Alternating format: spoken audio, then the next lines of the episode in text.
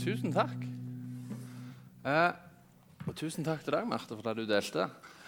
Eh, det er viktig å tenke på at eh, det vi synger, det har faktisk noe å si. Um,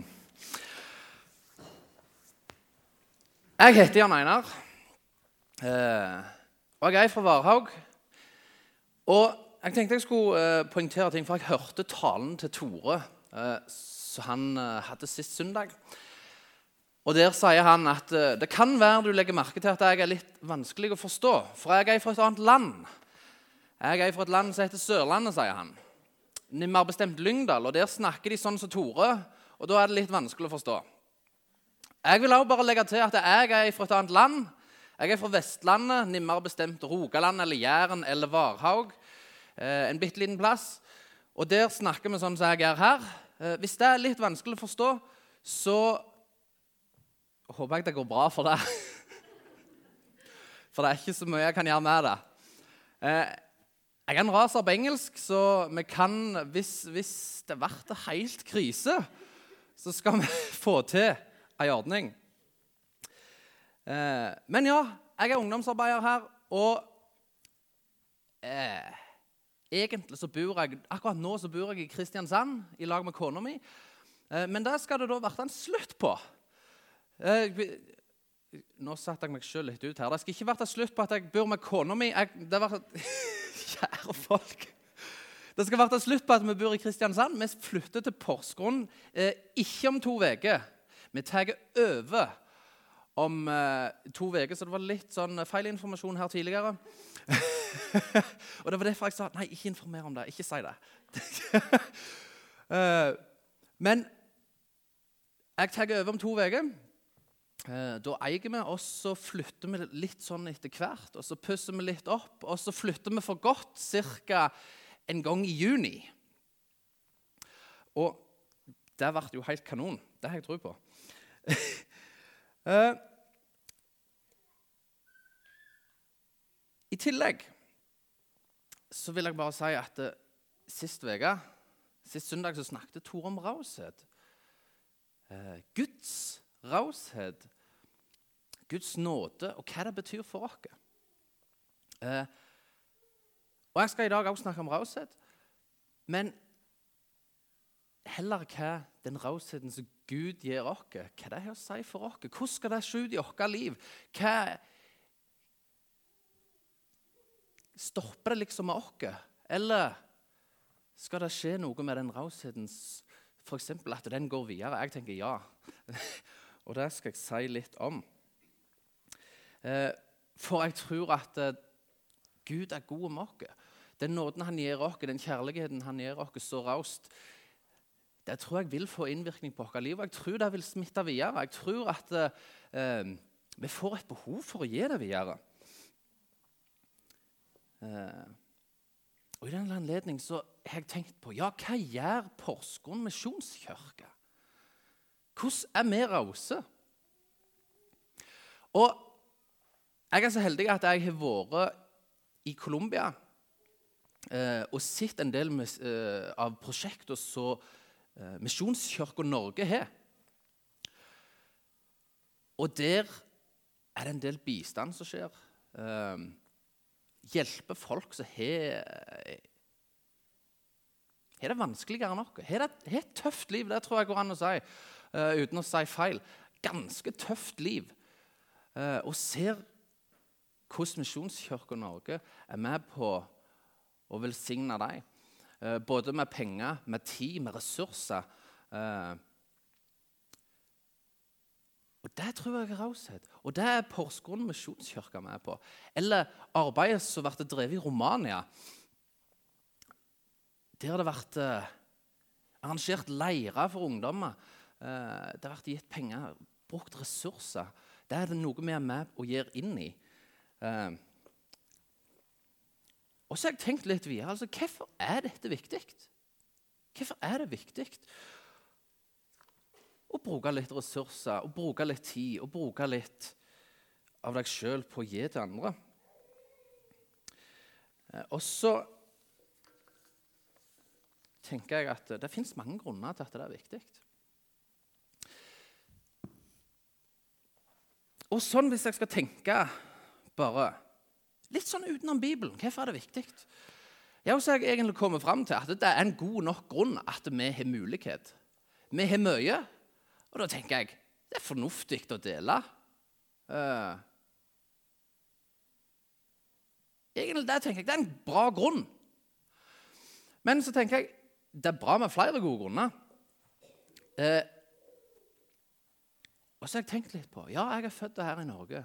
Jeg er vokst opp her i Norge. Jeg har en del eh, gode pga. at jeg er født her i Norge. Det er ikke min feil at jeg er født her i Norge. At jeg bor her i Norge. Og så tenker jeg at det betyr at uh, jeg har fått en del ting gratis. Jeg kunne vært født i Colombia, i en av de eh, byene jeg besøkte. Um, jeg kunne hatt et mye tøffere liv hvis jeg hadde vært født en annen plass. Men det er jeg ikke. Jeg er født her. Jeg får lov å bo her. Og bare i det så tenker jeg Hei. Det er ikke min feil at jeg bor her, det er ikke min feil at jeg eh, er vokst opp her. Det er en god grunn til å gi. Det er en god grunn til å være raus med andre som ikke har de samme privilegiene som meg.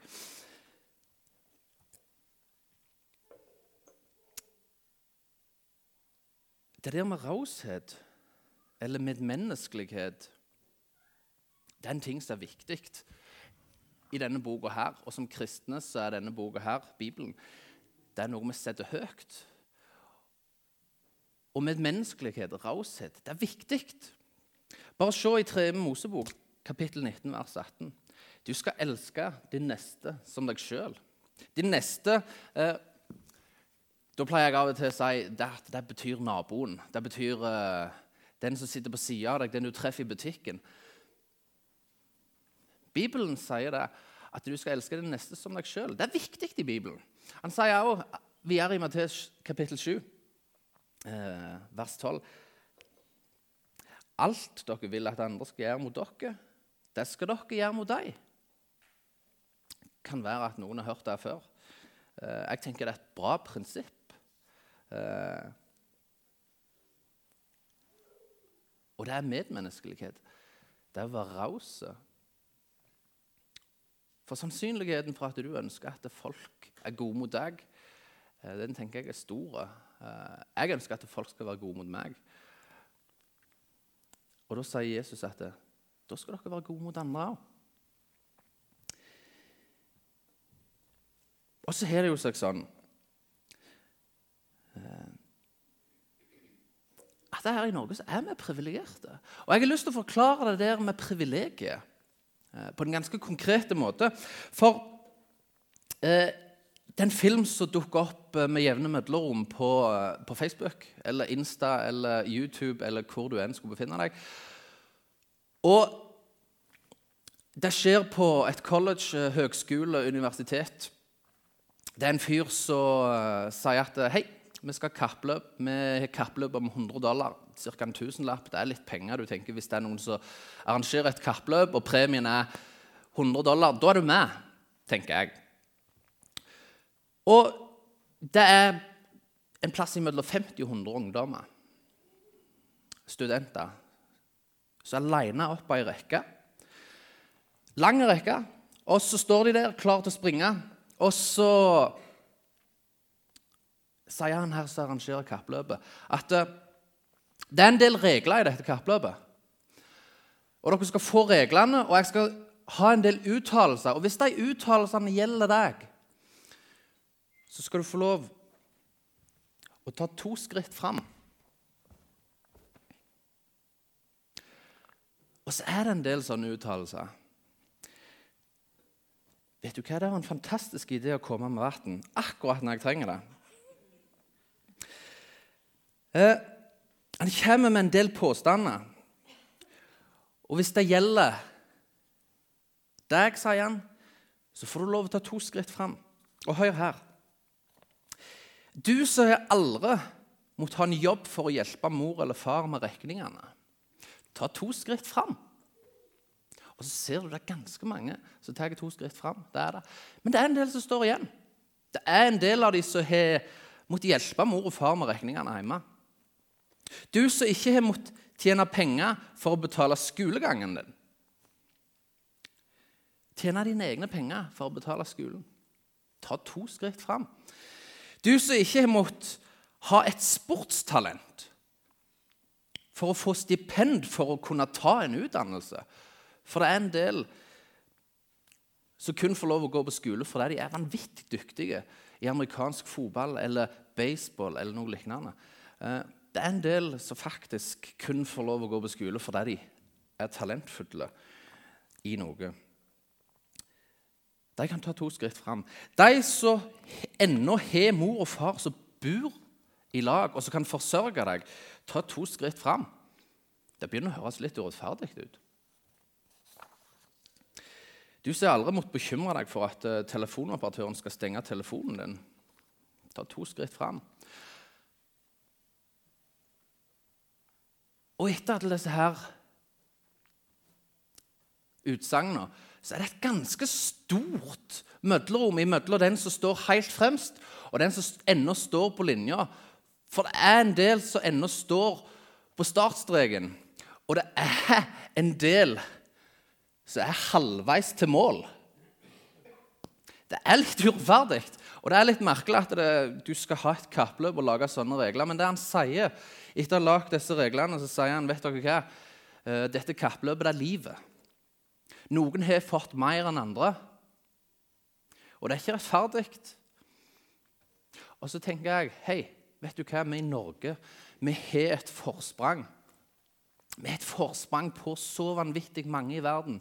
Det er tall på det noe sånn som at eh, hvis du bor i Norge, eh, så er du blant eh, verdens 1 rikeste. Tallene er helt enorme. Det betyr at det er enormt mange som er bak deg i kappløpet.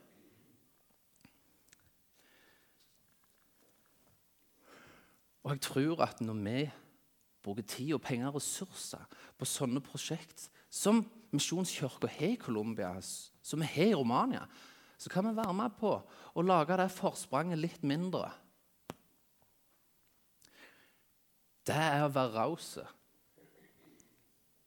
Og det er noe Bibelen setter høyt. Og som kristne så er det en øvelse. For det er ikke alltid like lett å være rause. Det er av og til ganske lett å la være. Men vi kan øve, og vi kan bli bedre. Og jeg tenker det er en ting vi kan gjøre i lag.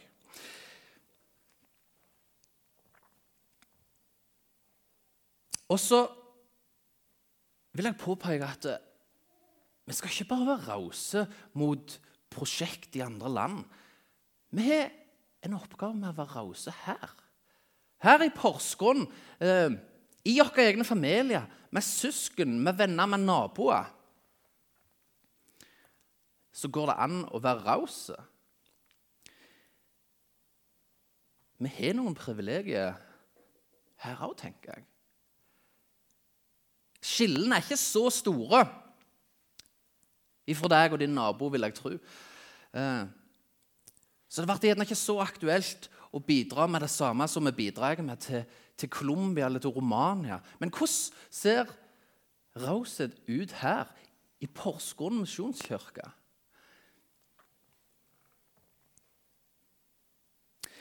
Jeg er litt usikker helt hvordan det ser ut. Spesielt hvis jeg skulle sagt noe om hvordan det ser ut akkurat i ditt liv. Det vet ikke jeg. Men jeg kan gi deg noen ideer om hvordan det kan se ut, og hvordan det har sett ut i mitt liv. For eksempel så har jeg møtt raushet av julaften. Når jeg skulle hente min bestemor, min mormor, ca. en halvtime å kjøre fra Varhaug. Skulle hente henne. Det var snø, litt glatt meg og søsteren min kom oss til bygda der mormor bor. Vi henta henne. På vei tilbake så er vi fem minutter ifra hjemme. Og så kjører vi far sin relativt nye Mercedes. Og så kommer det en bil mot, oss. så er det litt smalt på veien. Og så ligger jeg litt for langt ut mot sida. Det er ikke så bra i veiskulder som jeg hadde tenkt. Og så kjenner jeg bare Å, fillen. Hele bilen bare dras ut mot grøfta.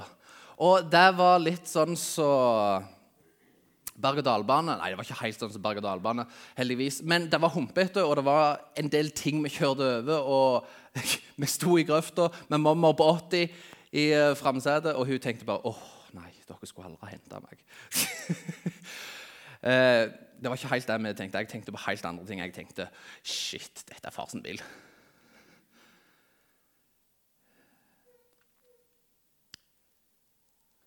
Men så ringer vi litt til far og ringer til NAF og Viking og hele greia. Jeg er sånn passe nervøs. Og vi kommer hjem, og så møter jeg ikke noe annet enn raushet. Far sier, 'Ikke tenk på det der med bilen. Det går fint.' Det var en bil. Og jeg, jeg, Det var egentlig det jeg forventa å høre, men allikevel å faktisk få høre de ordene Å få møte den rausheten Det var noe helt, helt spesielt. En annen ting der jeg møtte raushet, eh, det var i sånn 18-19-20 år. Jeg gikk på videregående. Eh, jeg begynte som lærling. Jeg var engasjert i en del ting i ungdomsarbeidet hjemme på Varhaug. Og ting skjedde slag i slag. Og På vei hjem fra skole eller på vei hjem fra arbeid så ringer jeg mor. Og så spør jeg om det står middag på bordet, for jeg skal rett videre. Jeg skal rett videre på et eller annet arrangement eller en eller annen greie eller lag med venner. Enormt tempo. Og så Og så står middagen på bordet når jeg kommer hjem. Og det er filler'n ikke en selvfølge. Jeg tenker, Mor må jo være gal som halter ut med alt det der. Men det er en raushet som jeg ikke tenkte på da. Men når jeg ser tilbake på så tenker jeg på det, og jeg tenker Fytti, for en tålmodighet, for en raushet mot meg. Men klart det er familie. Eh, blant familie så kan en gjerne tenke at da er rausheten den ligger litt løsere. Men jeg har møtt han på arbeid. Jeg har vært elektriker i noen år. Og som lærling så står jeg i ei stor blokk på tolv etasjer. Jeg står i et sikringsskap. For en eller annen grunn så er han som har ansvar for meg, ikke akkurat der. Um, han måtte ut på et annet prosjekt, og så fikla jeg med noe greier i sikringsskapet, og så smetter det noe så helt usannsynlig mye. Og da har jeg eh, svartlagt eh, seks eller tolv leiligheter. Folk begynner å ringe til E-verket. Folk eh, kommer Hva gjør du når du er lærling i en sånn situasjon? Jeg hadde jo ikke peiling på hvem Ja, litt stressa. Og selvfølgelig ringer jeg jo til han her kollegaen min som har ansvar for meg. da. Han er jo litt stressa. Hva du holder på med? Og alt det der. Og, og, og vi får fiksa det etter noen timer, så folk kommer over det. Men, men da òg var det litt sånn Shit, jeg sliter. Jeg er virkelig gått på en smell her. Og så kommer jeg på kontoret og så snakker med sjefen, og så gjør han ikke ei stor greie ut av det. Feil skjer. Det går bra. Og der igjen så kjenner jeg at det, dette er raust. For det er mange ganger sånn at i møte med situasjoner der vi har gått på en smell, eh, der vi ikke fikser noe, der vi faktisk driter oss ut Der kan raushet gjøre vanvittig mye. For den som møter rausheten, så er det befriende.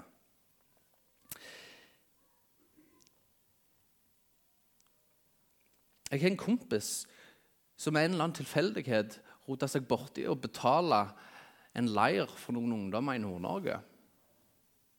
Det er raust. Sånn kan raushet se ut.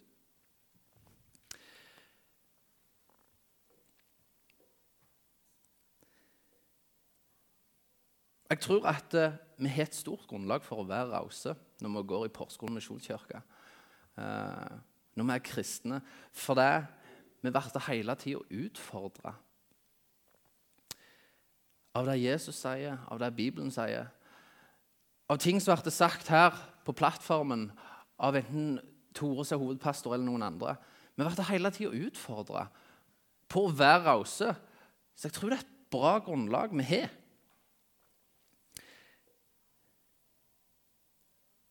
Noen av meg i Connect-gruppe. Fellesskap som kan utfordre hverandre, som kan være rause med hverandre, og kanskje lære videre raushet. For raushet er noe vi må øves i. Og Jeg har en påstand om raushet. Jeg tror ikke at uh, raushet er de der spontane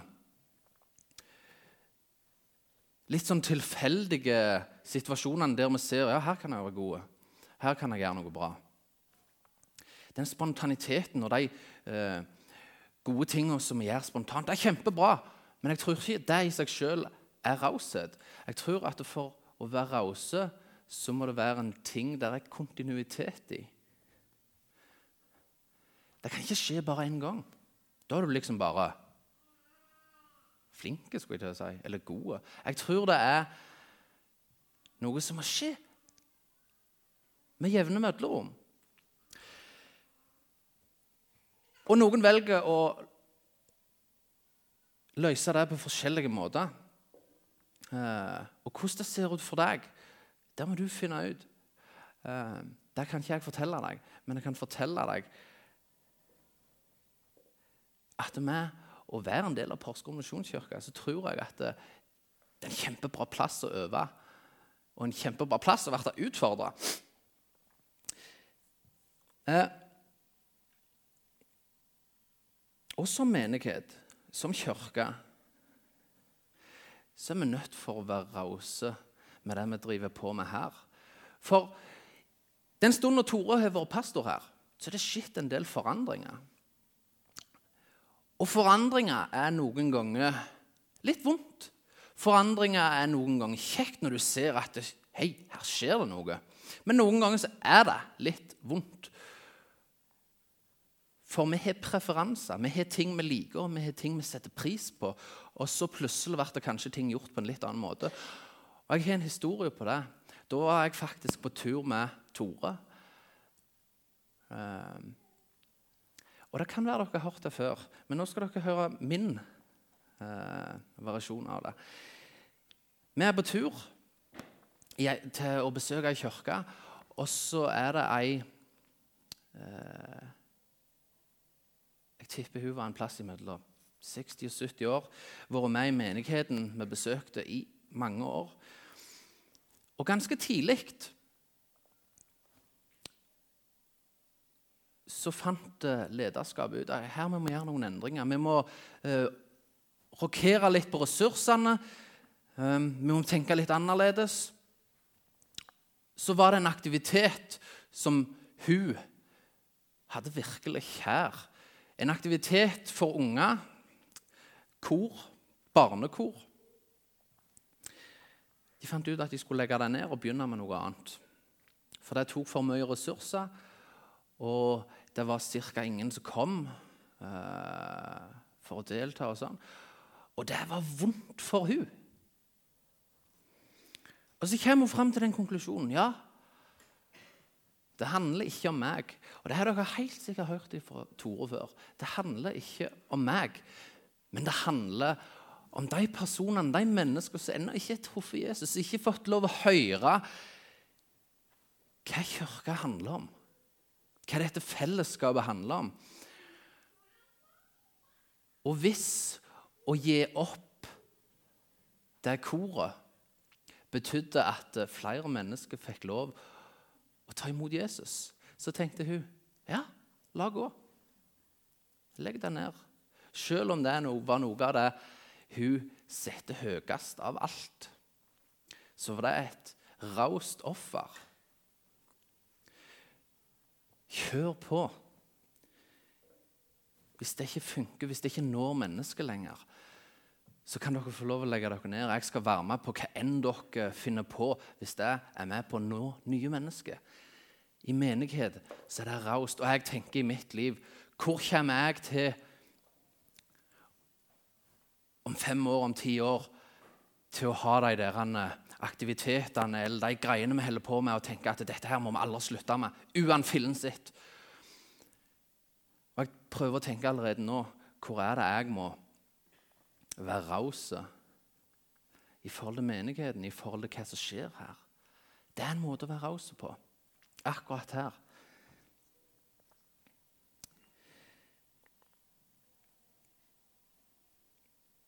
Jeg vil avslutte med et bibelvers i Matteus 25. Eh,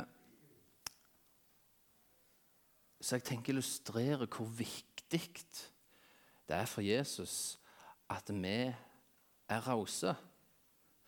For Jesus setter seg, likestiller seg med de som har minst. Med de som er minst privilegerte. Om det er når det gjelder økonomi, eller om det er når det gjelder bekjentskaper eller venner eller hva som helst. Så, så, eh, så plasserer Jesus seg sjøl i lag med de minste. Og det tror jeg sier noe om hvor viktig det er for Jesus at vi tenker på det. Matteus 25, vers 35-40. For jeg var sulten, og dere ga meg mat. Jeg var tørst, og dere ga meg å drikke. Jeg var fremmed, og dere tok imot meg. Jeg var naken, og dere kledde meg. Jeg var syk, og dere så til meg. Jeg var i fengsel, og dere kom til meg. Da skal de rettferdige svare ham og si, Herre, når så vi deg sulten og ga deg mat, eller tørst og ga deg å drikke? Når så vi deg fremmed og tok imot deg?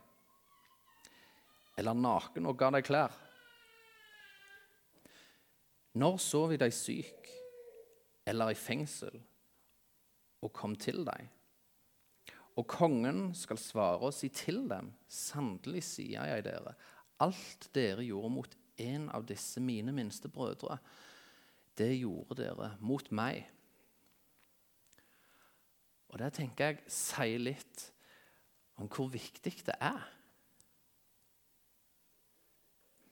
hvor viktig Jesus tenker det er at vi er rause. At vi ser de som ikke har fått de samme privilegiene som oss. Her i menigheten, i lokalsamfunnet her i Porsgrunn, mot prosjekt i andre land. Vi er kalt til å være rause. Eh, lovsangsbandet kan komme opp, og så har jeg lyst til å avslutte med å be. Eh, kjære far. Takk for at vi har fått privilegiet med å kunne være rause. Takk for at uh,